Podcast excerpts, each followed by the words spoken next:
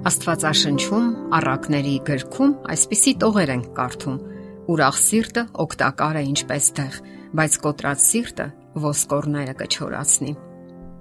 Ուրախությունը հոգևոր որակ է, եւ քրիստոնյան, ով ապրում է Աստծո հետ միասնության մեջ, ուրախություն կապրի իր կյանքի բոլոր պահերին։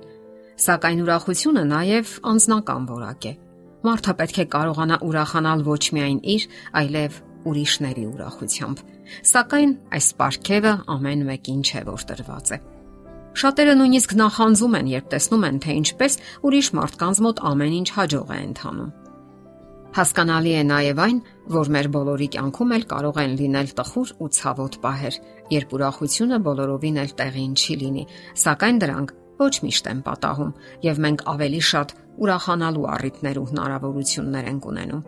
Իսկ ինչպես անել, որ ուրախությունը երբեք չլքի մեզ։ Հնարավոր տարբերակներից մեկն այն է, որ չնախանձենք ուրիշներին,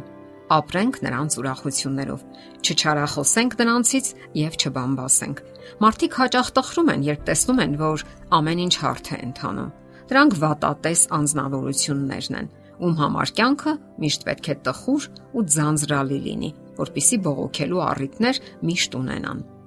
Աստվածաշունչը խորհուրդ է տալիս ապրել ուրիշների ուրախություններով, հասկանալ նրանց։ Նաև այդ կերպ ենք մաքրվում մեր ներքին բացասական զգացմունքներից։ Իսկ ված բացասական զգացմունքները ժանգի նման քայքայում են մարդու ողջ ներաշխարը։ Նույնիսկ բժշկությունն է ապացուցել, որ բացասական զգացմունքներն առաջացնում են բազմաթիվ հիվանդություններ չարամիտ, չարախոս ու նախանց մարդիկ ավելի հաճախ են հիվանդանում տարբեր հոգեկան ու նույնիսկ ֆիզիկական հիվանդություններով։ Իսկ ահա բարյացակամ, երջանիկ մարդիկ ունենում են ավելի ամուր առողջություն։ Շատերն ուրախության որոնումների մեջ գնում են անհուսալի ճանապարհներով։ Որոշ մարդիկ այն որոնում են թմրամիջոցների մեջ։ Դա կարող է լինել ալկոհոլը, ծխախոտը, անառակ զվարճությունները եւ այլն։ Ասենք որ այս ճանապարհները անհուսալի են եւ հաճախ էլ ողբերգական ավարտ են ունենում։ Իսկ ահա Աստծո նախանշած ճանապարհները հուսալի են եւ հավերժական։ Աստված առաջարկում է համագործակցել իր հետ, քայլել իր հետ կյանքի բոլոր ճանապարհներում, օգտվել ուրախության հուսալի եղանակներից։ Մարդկային բարեկամություն, հարազատություն, միաբանություն, համերաշխություն, սեր, փոխհմբռնում միմյանց հանդեպ։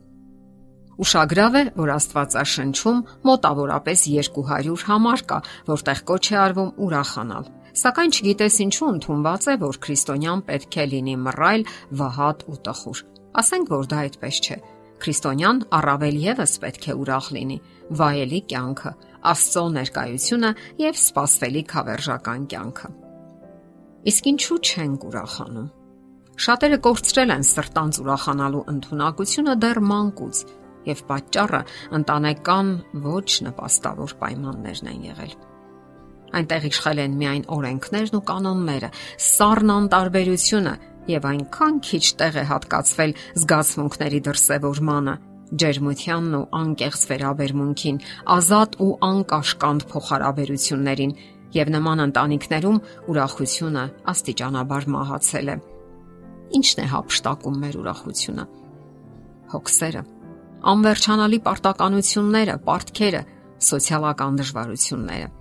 Եվ ինչ ուրախության մասին կարող է խոսք լինել, երբ մարդը ճկվել է, հուսահատվել ու հիասթափվել, իրեն զգում է անելանելի իրավիճակում։ Սակայն անկասկած է նաև, որ այդպես երկար շարունակել հնարավոր չէ։ Այսպիսի հետաքրքիր փաստ. Անգլերեն սիլլի բառը, որը նշանակում է հիմար, հասարակ, պարզունակ, առաջացել է հունարեն սելիկ բառից, որը նշանակում է օշնված։ Ստացվում է, որ երեխաների նման հասարակ ու པարզ լինելը ուրախ ու վստահող սիրտ ունենալը իսկապես օշնություն է։ Ինչ կարելի է անել։ Փորձեք ձեր բոլոր գործերին ու պարտականություններին նայել ոչ թե որպես աշխատանքի, այլ որպես ուրախության, խաղի Մեծահասակներն այս աշխարհին նայում են որպես մի վայրի, որտեղ գումարներ են վաստակում, մուծում իրենց հաշիվները, կատարում տնային պարտականությունները, լուծում հիմնախնդիրները եւ պատասխանատվություն կրում։ Իսկ երեխաներն այլ կերպ են նայում կյանքին։ Կյանքը նրանց համար հաճելի զբաղմունքների հերթագայություն է, որից նրանք բավականություն են ստանում եւ իրենց համար էլ աննկատ սովորում են։ Երեխան խանութ է խաղում, հիանալի կառավարում իր խաղալիք դրամները, խաղում է մայր աղջիկ խաղը, ավազե թխվածքներ է թխում, տիկնիկների համար բնակարան է կառուցում, սովորում է թրջել պարանի վրայով, գոլ խփել, տնից ուտելիք տանել անտուն կատվի համար։ Եվ այդ ամենը անում է པարս ու բնական ձևով։ Ուրախ, մեծ հետաքրքրությամբ ծիծաղելով։ Նրանք կարող են ժամերով վազվզել այգում, եւ նրանց մտքով էլ չի անցնում, որ ֆիզիկական վարժություններով են զբաղված։ Աստվածաշնչում կարդում ենք. Եղբայրներ, ուրախ եղեք Տերում։ Ուրախ լինել Տերում նշանակում է վայելել կյանքը Աստծո հետ միասին,